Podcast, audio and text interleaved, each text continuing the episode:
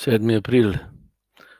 Emavška učenca gresta žalostna iz Jeruzalema proti Emavsu, spuščata se iz bližine z Bogom nazaj v svojo privatnost, posameznost, krhkost, obupanost, razočaranje, melanholijo, trdosrčnost, v svojo rutino, sivino, ker tudi onadva nista razumela, da je živ med živimi, da ni, da ga ni treba iskati med mrtvimi, da je smrt mimo, da je smrt že premagana, da je samo prehod.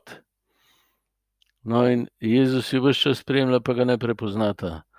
Ju pa sprašuje, da jima, da mu najprej razložita, kaj jo tako ubija. On jo posluša, spregovori in ozdravi njuna srca, tako da jima potem razlaga preroke pa Mojzesa in vse svetopismo, da bi razumela, da vse govori o njem, o tem, kako bo Bog dopolnil svoje stvarstvo in svojo zgodbo z nami in nas povabil v večno sodelovanje, ki gre preko smrti, ki je ljubezen, se ti podari zato, da si vedno z njo, da te oživi. In onadva potem, ko jima je razlagal pismo, ga prepoznata šele potem, ko prelomi kruh in ga razdeli. to gesto, ki jo je Jezus naredil, preden je šel v trpljenje pri zadnji večerji, da bi učenci razumeli, kaj se na križu v resnici dogaja.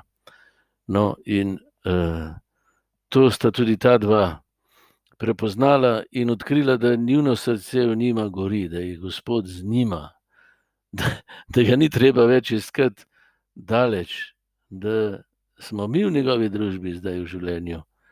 In da je preprosto naša naloga ta, da se vedno znova vračamo in učimo biti njegovi navzočnosti. To, kar je sveta Maša, da zajemamo iz tega, da smo njegovo telo, da nismo sami, da je on v nas in mi v njem, da lahko iz njega živimo. Sredi vseh skrbi, težav, stisk, konfliktov, obteženosti, zaprtosti, jasno. Ampak komu zdaj pripovedujemo svojo težo pa stisko pa čustva pa žalost? Ja, če njemu, potem, vse to postane vir moči in blagoslov, če pa sebi, se pa po klasični metodi, tako kot vsak Adam in vsaka Eva, izgubimo in postajamo nevarni sebi in drugim, očetova ljubezen nas pa čaka.